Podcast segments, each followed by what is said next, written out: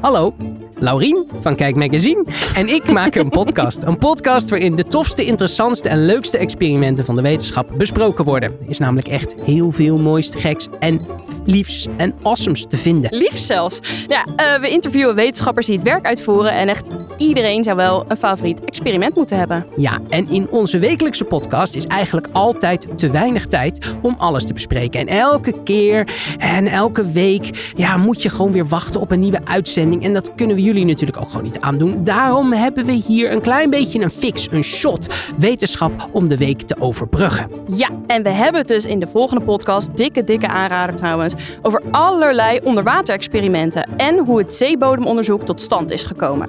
Dat zijn allemaal prachtige eh, verhalen over heldhaftige Egyptenaren en, en de Challenger-expeditie, et cetera. Dus ga dat luisteren. Maar wist jij dat er op de bodem van de zee ook heuse apothekers wonen?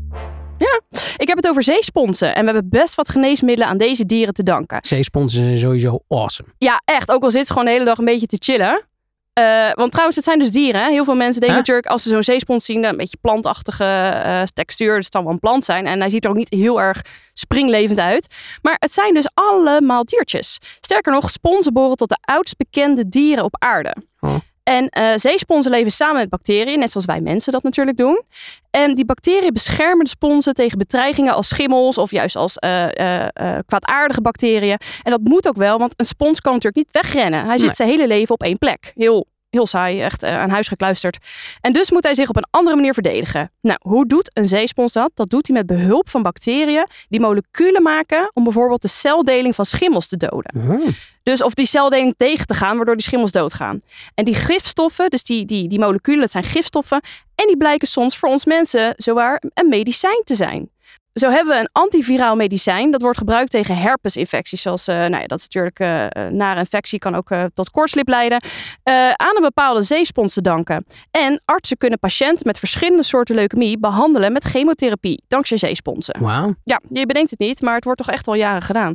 En in de zeeslak Conus magnus vonden onderzoekers in de late jaren 60 het molecuul ziconotide. En deze stof bleek dan weer een sterke pijnstiller die nu door mensen wordt gebruikt als veilige vervanger van de verslavende opiaten. Dus ja, de oceaan als medicijnkast. Hoe gaaf is dat? We leren heel erg veel van eh, zeesponsen. En dat zijn nou precies de type vette, leuke onderzoeken en experimenten die we bespreken in onze podcast. Dus ik zou zeggen, ga naar je favoriete podcast-app eh, om te luisteren naar, naar het experiment. Toch? Zeker weten doen. Echt, je mist wat als je het niet doet. Eh, je, je bent, je bent Als je een een, beetje FOMO-gevoelig bent. ja, we willen daar niet op inspelen.